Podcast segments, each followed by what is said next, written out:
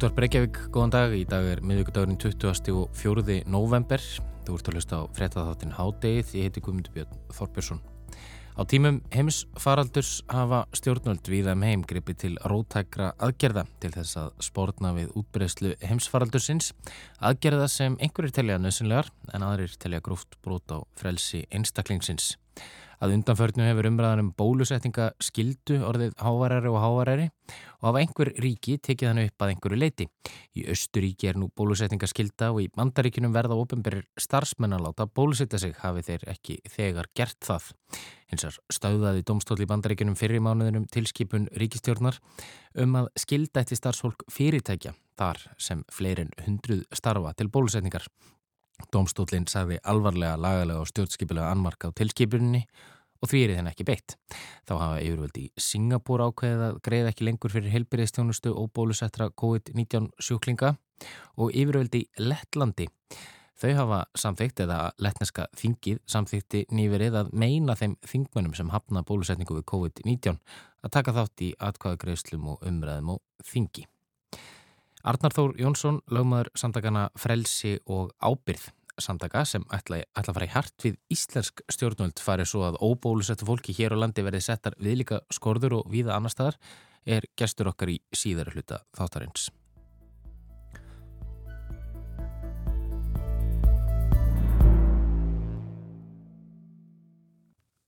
En við byrjum háttegið í dag og því að tala um kjarnorku áætlun Írana sem hefur verið mikið í umræðinu undarfærin ár og verður eflaust ofalega á síðum vefmiðla í næstu viku.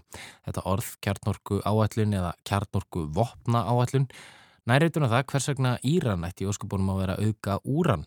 Þessi umræða róaðist fyrir nokkur árum þegar Íranir og Bandaríkin gerðu með sér svo kallan kjarnorku sáttmála sem fóli sér að Íran drægi úr kjarnorku starfsemi sinni gegn því að vestræn ríki hætti að beita landið viðskiptaþingunum. En Donald Trump, þáverandi bandarækjafórsiti, sagði upp þessum samningi árið 2018. Í næstu viku hefjast svo nýjar samningavirðar um kjarnorku áallun Írana en þær fara fram í Vínaborg. Og þar kennir Ímisa Grasa, Ísraelsmenn sem oftur áleitnir höfuð andstæðingar Írans í pólitískum skilningi, eiga þar engan fulltrúa en hótað að hleypa viðræðunum í uppnám með fyrirvarlausum loftárósum á kjarnorku verð Írana. Joe Biden bandaríkjafósiti á því við Raman Repa Draga. Hann segist vilja semja til að draga tennurnar úr kjarnorku áallun Írans en Ísraels menn leggja hartað honum að sniðganga viðræðunar. Gunnar Hafn Jónsson, bladamæður og sérfræðingur í málöfum miða Östurlanda er sestur hjá okkur til að ræða þessi mál. Velkomin Gunnar. Takk. Í fljótublaði Gunnar, hver er já, fossaðan hér og, og af hverju eru Íranir enna reyka kjarnorku áallun? Já, þrátt fyrir að vera ólíuríki og þrátt fyrir, fyrir samninga? Já, sagan er nú lengri en margir gerir það grein fyrir það því að þetta byrjar með því að Dwight Eisenhower 1953 þáverandi fórseti bandarækjana lýsir því yfir að hann ætla að beita kjarnorku áætlun landsins uh, í friðsamlegum tilgangi sem hann gætlaði Atoms for Peace eða Atomi þái friðar.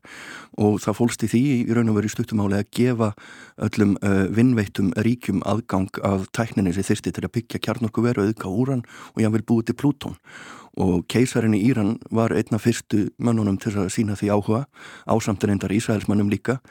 Og uh, byrjaði strax að byggja kjarnokkuver sem að voru í raun og veru fjármögnuð af keisaranum og keift all, all aðfeng frá bandaríkjónum síðan gerist það 1979 að það verður bilding og íranska klerkastjónin tekur við völdum að keisaranum. Og þá er klerkastjónin uh, og Íran skindilega ekki í náðinni hjá vesturveldunum það er skrúað fyrir allan aðgang þeirra að úrani og um, Íranar sem, já þú spurðir af hverju ætti ólíuríki að, byggja. Já, þeim hafi verið rósað mikið í alþjóðsamfélaginu fyrir framsýni, fyrir að skilja að ólíu uh, öldinni var að ljúka og, og þeir væru í fremstu röð við að nútíma vaðast með því að byggja sem bandaríkjumenn ætlu að byggja 23 kjarnorku verið í Íran og uh, það gerist náttúrulega eftir byltinguna að þeir geti ekki einhver ekki þessi kjarnokkuver fara að leita til rúsa og kínveri á annara og þá rýsa bandarækjumenn upp og segja hingaðu ekki lengra þó að við höfum byggt þessi kjarnokkuver þá stiðjum við ekki lengur þessa áætluna því að nú er ekki lengur vinnveitt stjórnvöldi Íran. Íranar segja að svindl Ísraelsmenn erum með kjarnavopn, við erum ekki einurum þetta hérna svæðinu og við ætlum bara að halda áfram uh, þessum hætti og svo kemur það þessum samningu sem hún nefndir á þann 2015 þar sem að það er uh, aflétta hluta viðskipta þingunum gegn Íran uh, gegn því að þeir uh, hætti auðgun úrans sem er þá hægt að búa til kjarnungursprengjur úr. En hvaðan koma samt þessar áhyggjur að, að Íranir séu að auka úran til þess að búa til kjartnókssprengjur? Hvaðan kemur þessi hræðsla vesturveldana? Hún kemur að hluta frá Ísrael að því að Ísrael uh, er höfuð anstæðingur Írans sem þú nefndir og, og, og Ís, Ísraelsmenn hafa alltaf leitið svo á að að Íran vilji þá feigar henni að sem ríki þegar hafa líst í yfir fyrir leðtúar Írans að, að berja að útrýma Ísraels ekki þannig að þeir sjá fyrir sér hættu og því að, að einhver vanstiltur einstaklingur komist til valda í Íran og beiti kjarnokuvafnum gegn Ísrael. Þannig að þeim er mikið í mun að koma í vekk fyrir að loka skrefin verði tekin í, í þessari kjarnokuávallun sem að menn deilum hvað er langt eftir í að, að hvenna það geta byggt sprengju Emitt og, og já, Ísraelsmenn búin að hóta allu ylli fyrir þannan fundi næstu viku og eru svona fýllin í herbygginu í þessum viðræðum svo má segja en þeir búin allir kjarnátt sjálfur, ekki satt? Jú, hafa aldrei viðkjönda reyndar maður sem að satt í einangrunar fangelsi áratögum saman sem að e, Mordecai Vanunu sem að var hérna, whistleblower eða uppljóstrari sem að greindi frá því að Ísrael á líklega allt af 400 kjarnáta að minnstakosti 80 og alltaf 400 og þeir eru eina kjarnorkuveldið í með Östurlöndum og vilja halda því áfram að vera eina kjarnorkuveldið sem þeir líti á sem svona sína tryggingu eins og David Ben Gurion fórsættir á fyrir Ísraels fyrsti saði að kjarnorkuvopn væri nöðsileg fyrir Ísrael sem trygging eða það erði ekki önnur helfur Emit og bandrækjumenn þeir eru náttúrulega já stuðningsmenn Ísraels og, leggja náttúrulega gríðarlega, eða bandarækja stjórn hefur verið það og, og lagt gríðarlega fjármunnin í, inn í Ísraelska herin eh, til að mynda. Í hvað stöðu er Joe Biden hér núna? Er hann ekki svolítið milli, milli stens og sleggju? Getur, já, í fyrsta lagi geta þeir yfir höfuð fundað með erindrikum í Írana og, og svona, hvernig horfir þetta mál gagvart sko, Ísraelskum stjórnvöldum? og bandaríkjum þar að segja. Já, bandaríkjumenn bókstaflega geta ekki funda með Írunum að því að Íranar neita að hitta bandaríska stjórnarherindrika þannig að þeir þurfu alltaf að vera með einhverja, einhver frá þriðja, uh, þriðju þjóðinni til að hlaupa á milli og færa skilabóða á milli, sem er nú hálf barnalegt en enga síðu staðan. Um, Ísraelsmenn vilja bara alls ekki af þessum viðræðum heyra, þeir vilja bara algjörlega stöðva allar umræður, þeir benda réttilega á að, að samkvæmt samkómuleginu 2015, ef það er endur nýða núna, að þá gildir það í raun og veru bara í tvö ári viðbútt, eitt og hálft ári viðbútt þangar til að Íranar geta afturfarið að auka úran. Þannig að þeir líta bara á sem svo að þeir séu jáfnveil tilbúinir að gera loftára sér til að stöðva þetta og, og vilja bara ekki að þessi tala við Írana yfir höfu.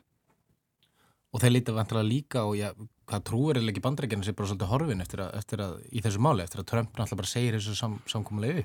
Íranar hafa ekki lengur neina ástæði til að semja. Það er hreinlega þannig að þeir vita bara núna að það getur komið bara nýr fórseti og algjörlega kúvarpað öllum, kollvarpað öllum uh, fyrir samningum og þeir líta bara að það sem er ómikið óveriki. Það er ekki að semja uh, við þjóð sem stendur ekki við uh, fyrir samninga Um, þá, þá eru það harlinumenn í Íran sem græða á því að því að það er nýtekin við fórseti Írans, harlinumadur það er nýtekin við nýr fórsetisráður Ísraels, harlinumadur um, þannig að það er allt í raun og veru á versta veg fyrir bæten til að fara að reyna að hafa einhverju ákvað áhrifaðna þetta stefnir allt í að verða gert upp með vopnavaldi.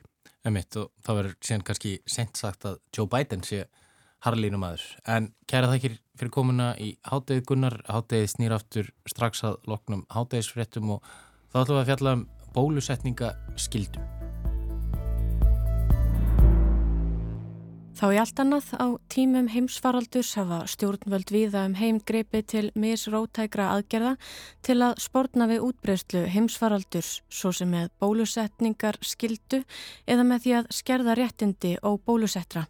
Aðgerðir sem sumir segja nöðsynlegar í þáu almannahagsmuna en öðrum þykir brjóta í báa við frelsi einstaklingsins. En hins vegar er víða heimilt að takmarka þetta einstaklingsfrelsi þar að segja ef ríkir almanahagsmunir eru fyrir því. En hvenar hvenar má hefta einstaklingsfrelsið í þáu almannahagsmuna og til hvers þarf að taka tillit við matið á því. Við spurðum Arnar Þór Jónsson lögmann út í það og fleira en hann greindi frá því í fjölmjölum í gær að myndu hérlend stjórnvöld setja lög sem skerðaréttindi og bólusettra í nafni almannahagsmuna gæti farið svo að láti verði reyna á lögmæti þess fyrir domstólum.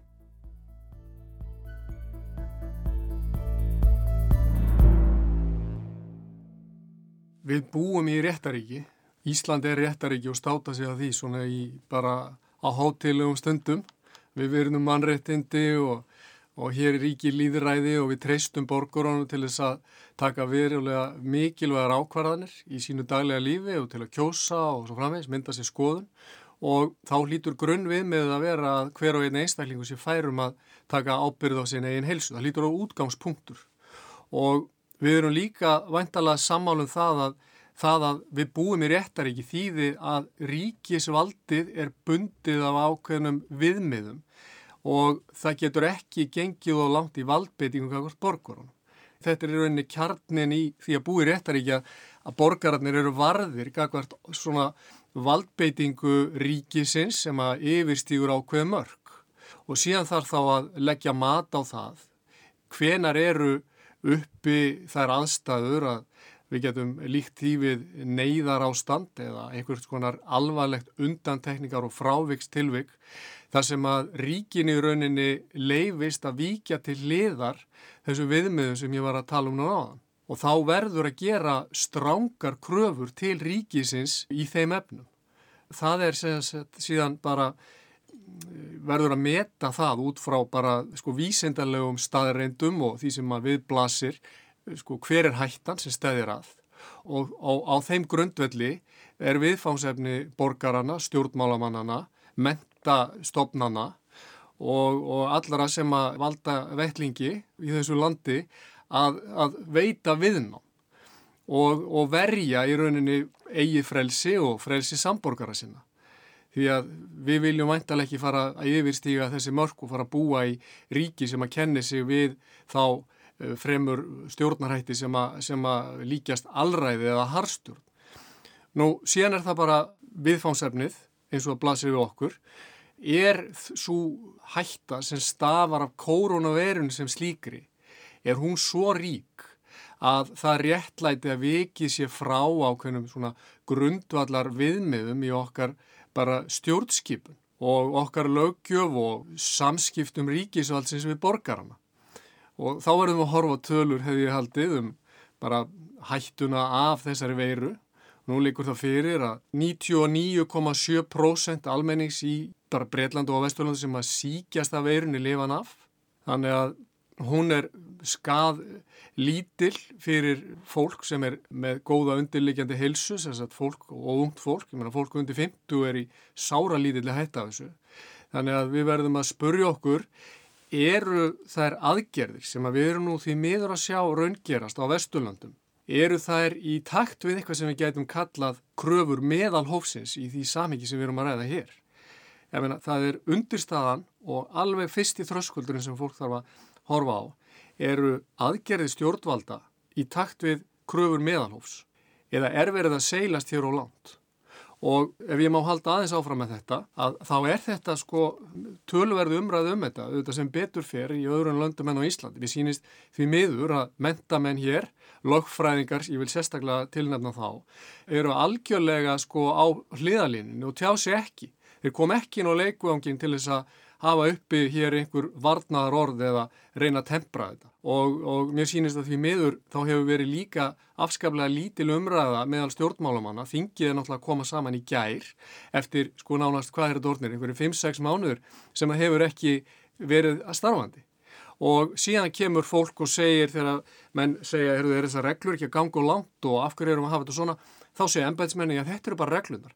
Þá verðum við að spyrja hver er að setja reglunar? Eru það líðræðislega kjörnir eh, fulltrúar okkur sem svara til að ábyrða okkur eða er þetta einhverjir ennbæðismenn sem eru ósynleir?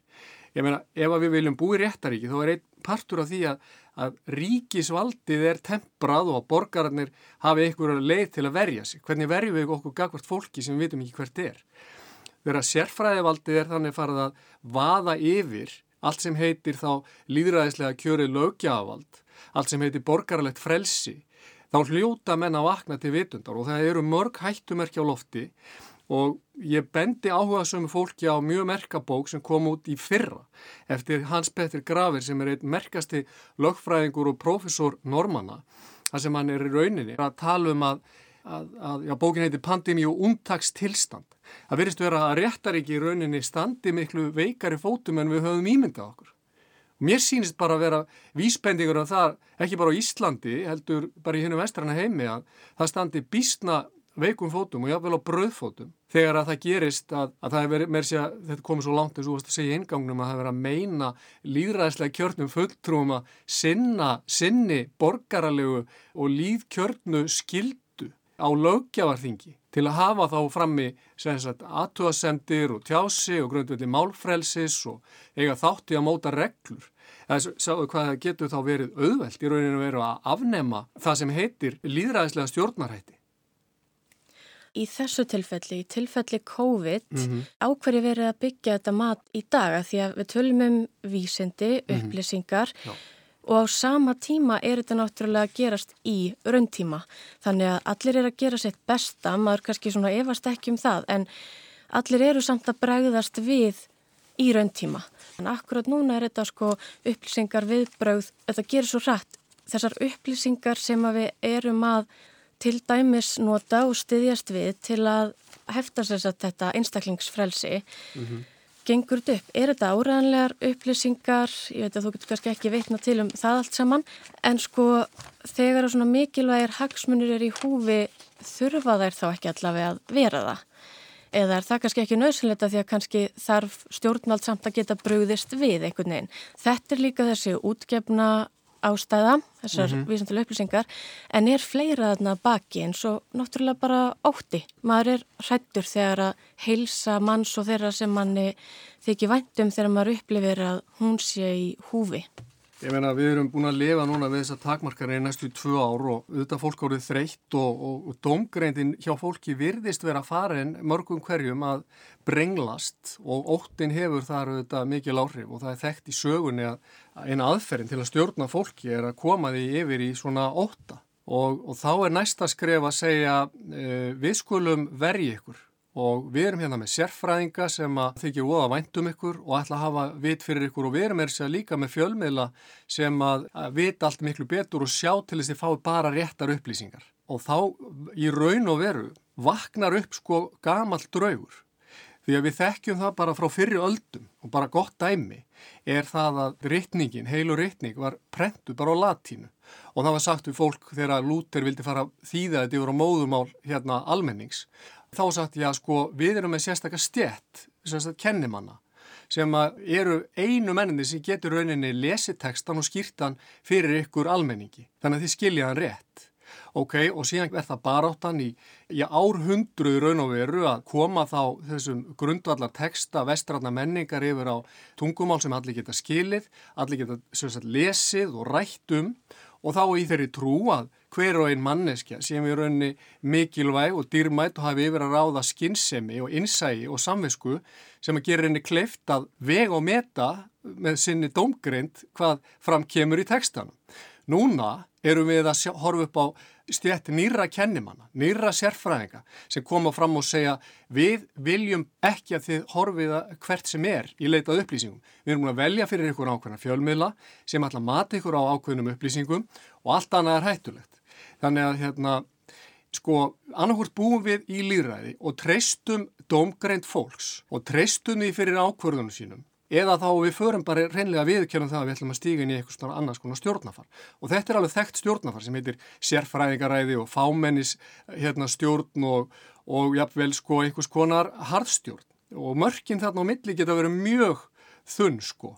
Þannig að ég bara vara við því að við framseljum slíkt vald, mötunar vald alfarið til útvalina fjölmiðla. Og nú var í dag viðtal við vinkonu mína sem er framkvæmtastjóri fjölmiðlanemdar og er að tala um það að á tímu þriðaríkisins þá hafi fjölmiðla verið misnotaðir í þáu valdsins og ég held að það sé full ástæði til þess núna á okkar tímum í ljósi þess sem við erum að horfa á af fjölmiðlar og þar með tali ríkisútvarpi sem að nýtur hér mikils fjárstuðnings úr vössum almennings íhugi vandlega og varist það alvarlega að láta misnota sig í þáu valds sem að jafnvel er ósýnilegt.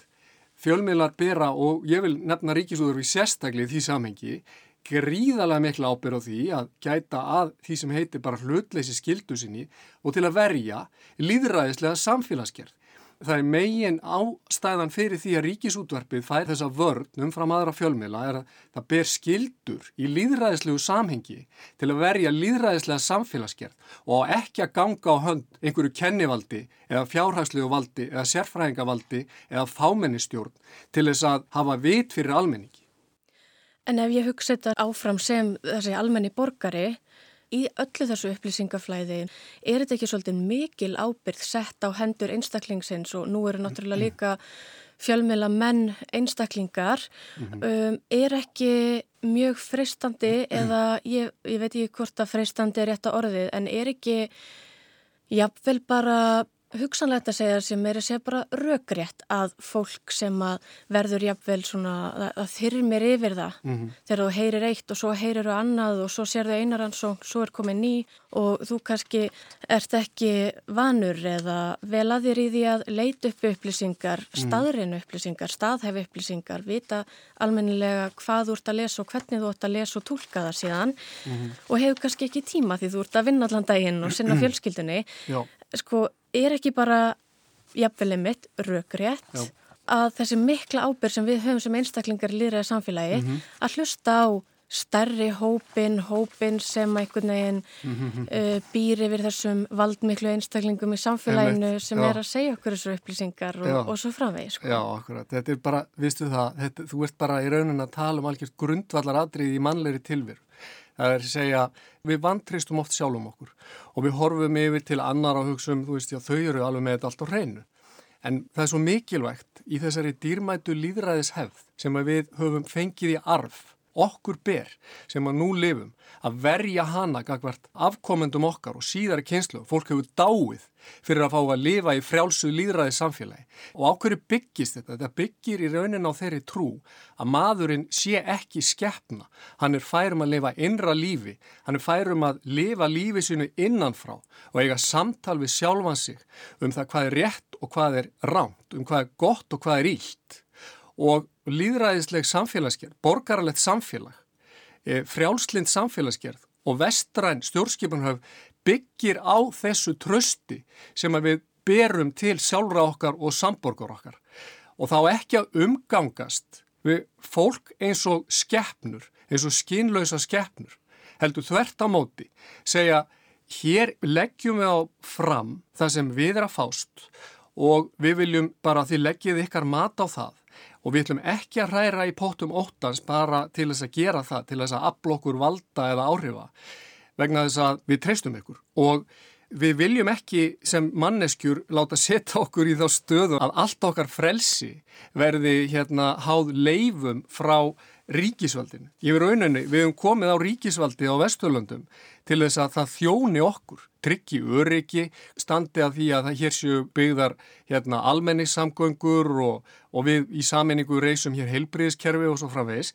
Þannig að ríkisvaldi í rauninni er því rætlaði að vera þjóttn okkar en ekki yfirbúðari. Og þarna er lína sem við verum að passa okkur rosalega vel að yfirstíga ekki því að það er erfitt að koma tilbaka og við þurfum í allir í okkar umfjöldum, hvort sem við erum fjölmilamenn eða stjórnmálamenn eða, eða bara maðurinn á göttunum, við þurfum að hjálpa hvert öðrum að sjá ljósið við enda gangana, hafa trú á því, þessu kerfi sem við búum við, hafa trú á borgarlegu frelsi, trú á samborgurum okkar og sjálfum okkar til þess að geta beitt þessari domgrind sem við erum að tala um og ekki afsal okkur þessu í einhverju brengluðu óttakasti frammi fyrir pest sem að tölfræðin er þessi sem hún er.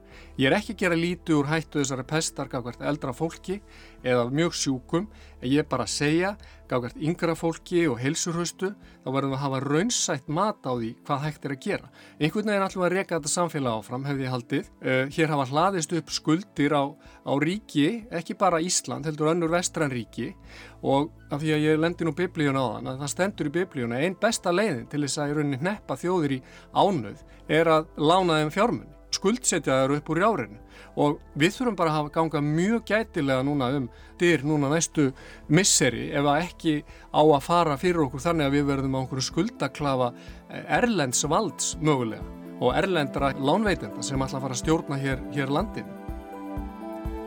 Sagði Arnar Þór Jónsson en hátegið er ænda í dag við verum hér aftur á sama tíma á morgun verið sæl.